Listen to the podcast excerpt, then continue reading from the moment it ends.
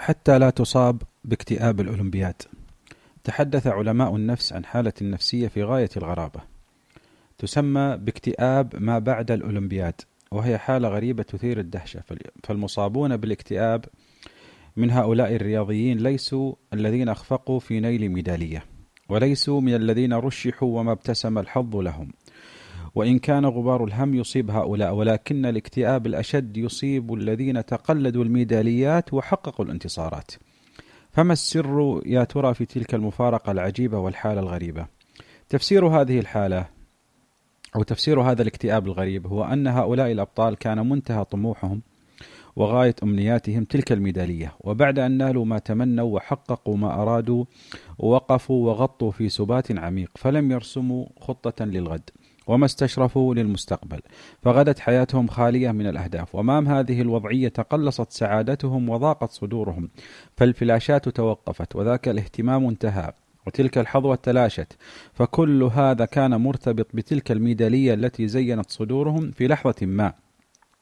وفي حالة مشابهة ذلك الاكتئاب الذي جلل أرواح رواد مركبة أبولو والذين صعدوا للقمر بآمال مجنحة. وتوقعات بلا سقف تجاه المتعة التي سيجنونها من المشي على القمر. وعندما رجعوا للأرض وجدوا أن الكثير من الأشياء على الأرض أقل جهدا وأكثر متعة. كم يبدو اليوم تعيسا أليما بل ومصدرا للمشاعر السلبية عندما يخلو من هدف يسعى له أو إنجاز يحتفل به. وإن لم نصبح أفضل في الغد فما حاجتنا لليوم. وما أروع سيرة البطل المسلم الطموح العبقري محمود الغزنوي رحمه الله الذي ظل يحارب دون فتور نحو 27 سنة. وقد امتدت إمبراطوريته, إمبراطوريته القوية من نهر الفاتح في الهند إلى نهر دجلة في الغرب. ومن المحيط الهندي جنوبا حتى نهر أمود درايا شمالا.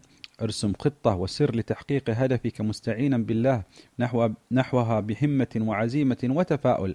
وعندما تلوح لك أنوار هدفك مؤذنة باقتراب وتحقيق ارسم هدفا أعلى وابني قمة أبعد وهكذا تدار الحياة.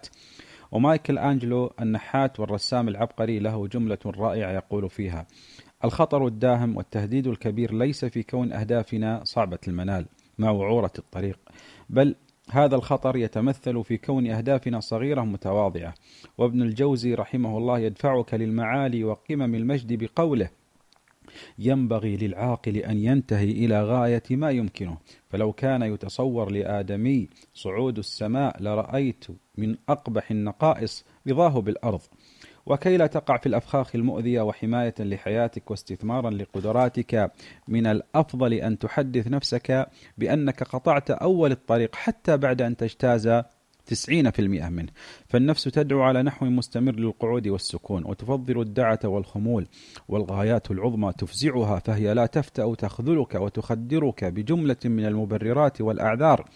بل وتتفنن في صناعة العقبات واستحضار الحواجز والمشكلات. لا تقف عند هدف ولا تركن لنجاح ولا, ولا تذهلك نشوة نصر ولا ترقص كثيرا في حفلة فوز.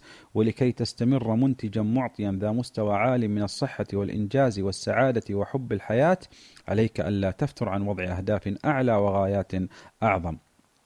وللأسف أن معظم البشر لا يستغل إلا جزءا بسيطا من قدراته ونادرا ما تراهم يستثمرون قدراتهم. ويتمثل هذا في عدم سعيهم نحو التطور وعدم امتلاكهم رغبة نحو التمدد. ويكفي أن تعرف أن نسبة كبيرة من الجامعيين لا يفتحون كتابا بعد تخرجهم. وما أبلغ ما جاء في رواية البؤساء على لسان أحد أبطالها عندما قال لا يهم أن تموت ولكن شيئا فظيعا لا تحيا أبدا. إن أعدى أعداء النجاح وألدهم خصومه هو النجاح نفسه فللنجاح سكرة ونشوة تذهل تذهل صاحبها وتذهل صاحبها عن المستقبل وتضعف القدرات وتحد من الطموح والقاعدة تقول ما جعلك تنجح بالأمس ما جعلك تنجح بالأمس لن يشفع لك اليوم في النجاح. ذات يوم عرض أحد المدربين حبلا مطاطيا على المتدربين ثم طلب منهم تدوين كل ما يمكن للاستفادة من هذا الحبل. كيف يمكن أن يستفيدوا من هذا الحبل؟ وبعد انتهائهم وجه لهم سؤالا عجيبا. ما القاسم المشترك بين جميع الاستخدامات؟ أظنك عرفت الإجابة. نعم. فالحبل المطاطي لن يكون مفيدا دون تمدد وكذلك البشر.